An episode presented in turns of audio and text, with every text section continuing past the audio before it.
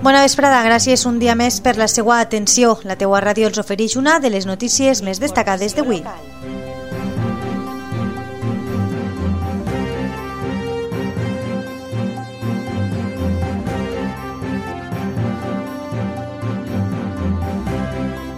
La teua ràdio.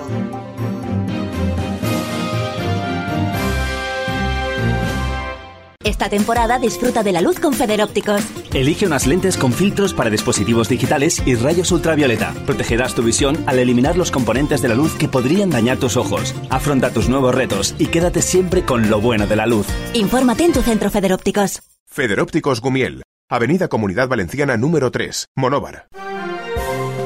La confraria de la Dolorosa celebrarà dissabte el seu 75 aniversari fundacional amb una processó extraordinària.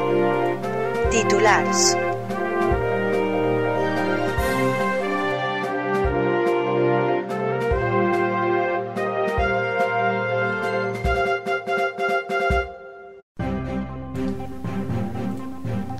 La confraria de la Dolorosa de Monover ha organitzat una processó extraordinària pel que fa al seu 75 aniversari fundacional, com ja ha informat diverses ocasions la teua ràdio. Serà el dissabte de 9 d'octubre a les 6 de la vesprada, quan des de la parròquia de Monover comença aquesta processó extraordinària de la imatge titular de la confraria. Cal destacar que aquesta imatge de la Dolorosa serà traslladada en processó fins al Parc de l'Albereda. Una vegada arriben al parc municipal es realitzarà una missa de campanya, aproximadament al voltant de les set i mitja de la vesprada. En aquesta Eucaristia participarà el grup de catequesi. Una vegada finalitzada la missa, tornaran cap a l'església.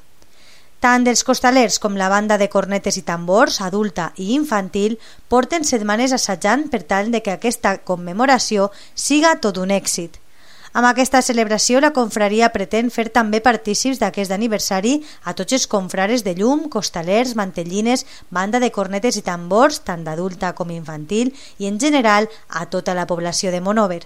Una vegada finalitzi la missa, la imatge tornarà en processó cap a la parròquia. I això és tot pels moments. Moltes gràcies per la seva atenció i la teua ràdio estarà atenta a les últimes hores locals i comarcals en la teuaradio.com i xarxes socials.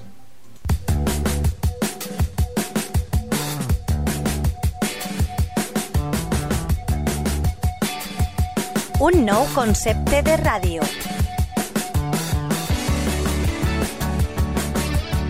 Àgil. Propera. Online. Per escoltar-la quan i on vulguis.